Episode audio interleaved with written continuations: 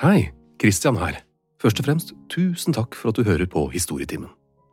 Det å lage disse episodene tar veldig mye tid, og hittil så har jeg jo bare kunnet gjøre dette her på fritiden og i helger og på kvelder. Og da blir det jo ikke så mange episoder i året. Men hvis jeg kunne gjort det på dagtid, da kunne det plutselig blitt en god del flere. Men det er jo avhengig av støtte, så derfor lurer jeg på følgende. Kunne du vært interessert i å betale en liten sum for å høre på Historietimen? La oss si 29 kroner i måneden, eller 49 kroner i måneden, eller ja. Svaret skriver du rett i Spotify-spilleren din hvis du bruker Spotify, og hvis du bruker en eller annen spiller, så send gjerne en mail til hei at gjenklangstudio.no med svaret ditt. Hei at gjenklangstudio.no. Sånn, da er det bare å starte episoden. Igjen, tusen takk.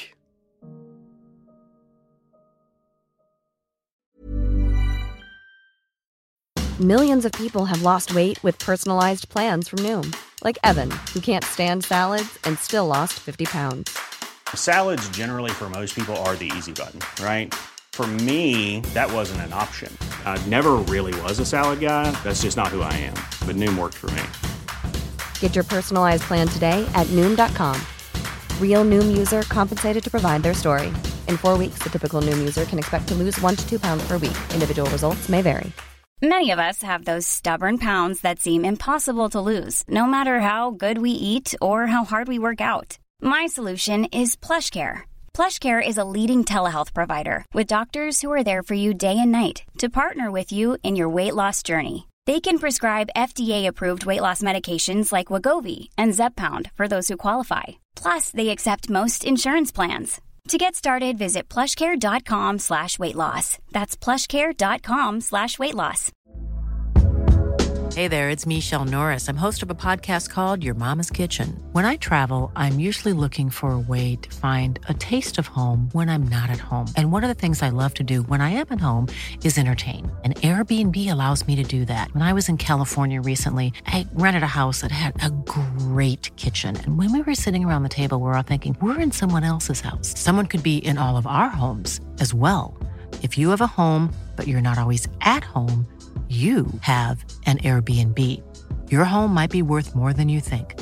Find out how much at airbnb.com/slash host.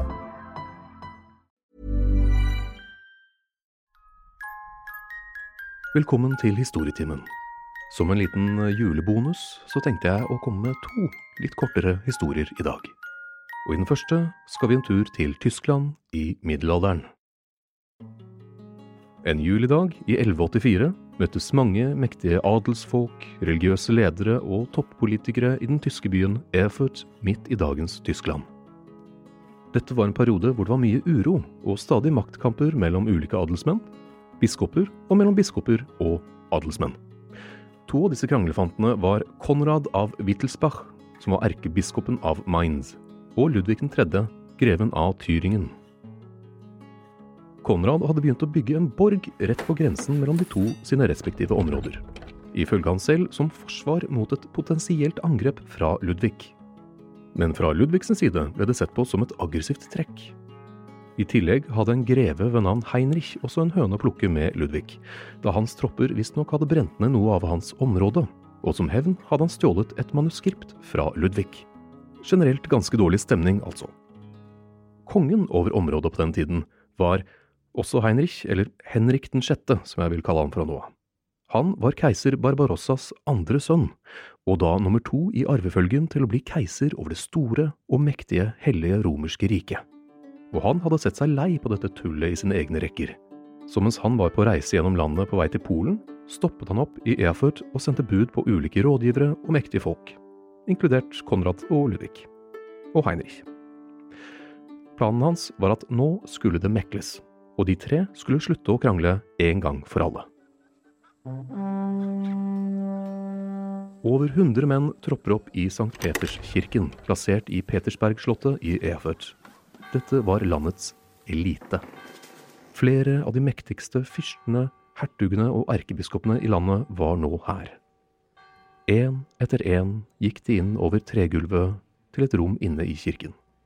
Mange av dem iført tung ringbrynje og annet forsvar i tilfelle meklingen ikke gikk så bra, eller bare for å vise hvor tøffe de var.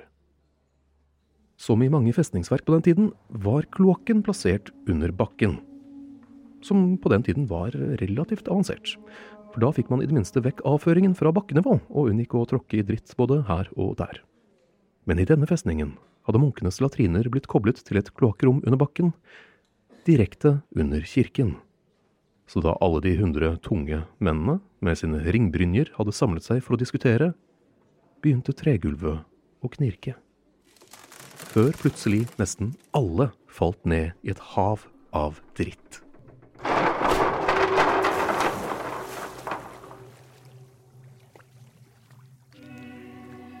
Minst 60 av Tysklands elite døde den dagen. Enten pga. drukning, ringbrynjene hjalp ikke stort her, eller pga. at de ble kvalt av gassene. Tre av de som overlevde, var ingen ringere enn Konrad, Ludvig og kong Henrik. Sistnevnte fordi han tilfeldigvis sto på en steinavsats sammen med Konrad.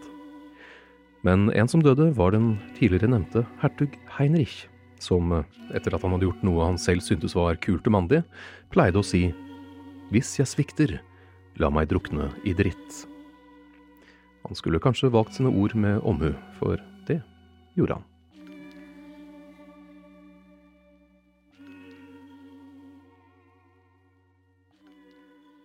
I den neste historien skal vi til Russland. Vodka er Russlands kjennemerke. I dag er 20 millioner russere tunge alkoholikere, og 23,4% av den mannlige befolkningen dør av alkoholrelaterte skader hvert år. Og det er det en grunn til.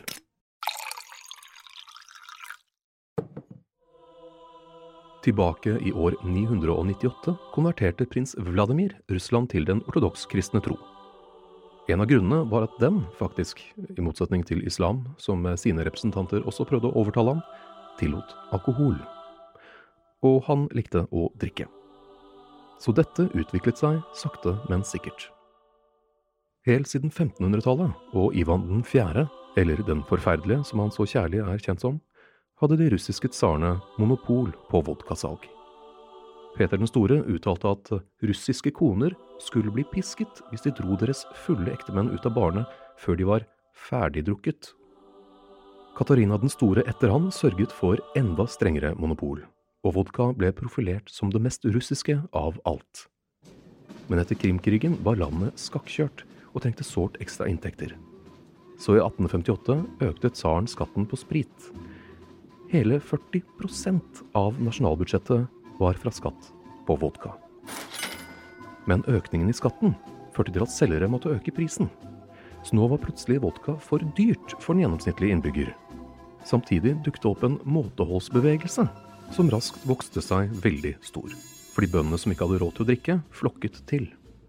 Resultatet ble at veldig få kjøpte vodka, og prisene styrtet. Man kunne plutselig kjøpe en bøtte med vodka for en halv rubel. Og hvem tapte på at vodkaen nå ble priset så lavt? Tsaren. En sint befolkning tok til gatene, gikk inn i barer og helte ut vodka. Og tsaren, han sendte soldater etter dem. Soldatene tvang mobben i bakken og helte vodka, ikke på bakken, men i munnen deres, via en trakt. Og måteholdsbevegelsen, den ble gjort ulovlig, og vodkaen ble bokstavelig talt tvunget tilbake på befolkningen.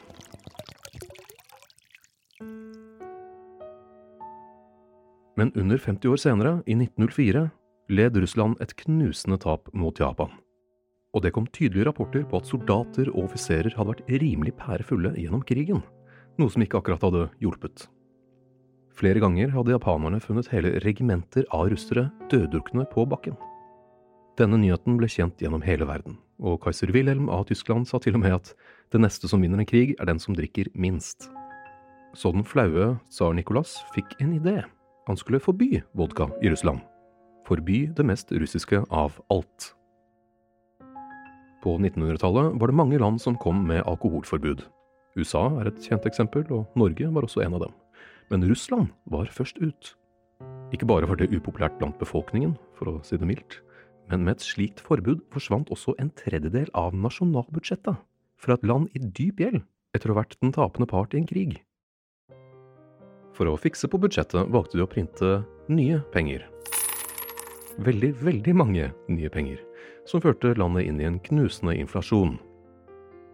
Så da har du et fattig land med fattige innbyggere, som går gjennom en hinsides inflasjon, så folk ikke har råd til dagligdagse ting, tvangsverving til en gigantisk hær, fordi det er jo en liten verdenskrig som kommer nå snart, og under hele så får ingen den lille gleden av vodka. Og i bakgrunnen lå bolsjevikene og ventet på at folks misnøye skulle slå ut for fullt. Noe som skjedde før krigen var over. Men etter tsarens fall var det ikke over. Da bolsjevikene stormet Vinterpalasset, oppdaget de palassets gigantiske vinkjeller, og drakk seg med en gang fullstendig snydens. Så Lenin og co., altså Lenin drakk jo ikke i det hele tatt, var rimelig irritert over Den røde gardens oppførsel, så de sendte inn flere soldater for å avløse drukkenboltene. Det gikk ikke så bra, da det første de gjorde var å også drikke seg dritings og ikke få gjort noe som helst. Så da sendte de inn enda flere, og det samme skjedde. Så sendte de inn pansrede vogner for å flytte vinen, men på vei ut av palasset vinglet de mistenksomt mye. Så da fant de ut at de bare måtte fylle hele vinkjelleren med vann, i et siste desperat forsøk på å bli kvitt hele problemet. Men brannmennene de sendte inn, trakk seg også snydens.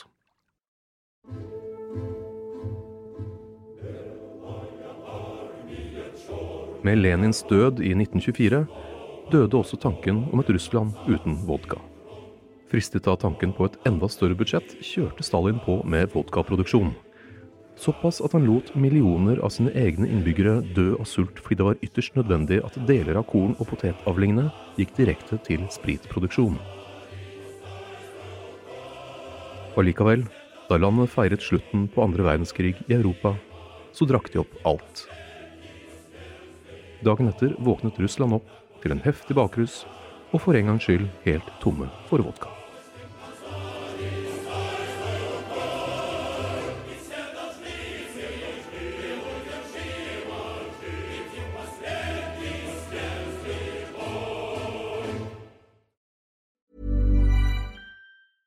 Planning for your next trip? Elevate your travel style with Quince. Quince has all the jet setting essentials you'll want for your next getaway, like European linen, premium luggage options, buttery soft Italian leather bags, and so much more. And is all priced at 50 to 80% less than similar brands. Plus, Quince only works with factories that use safe and ethical manufacturing practices. Pack your bags with high-quality essentials you'll be wearing for vacations to come with Quince. Go to quince.com/pack for free shipping and 365-day returns.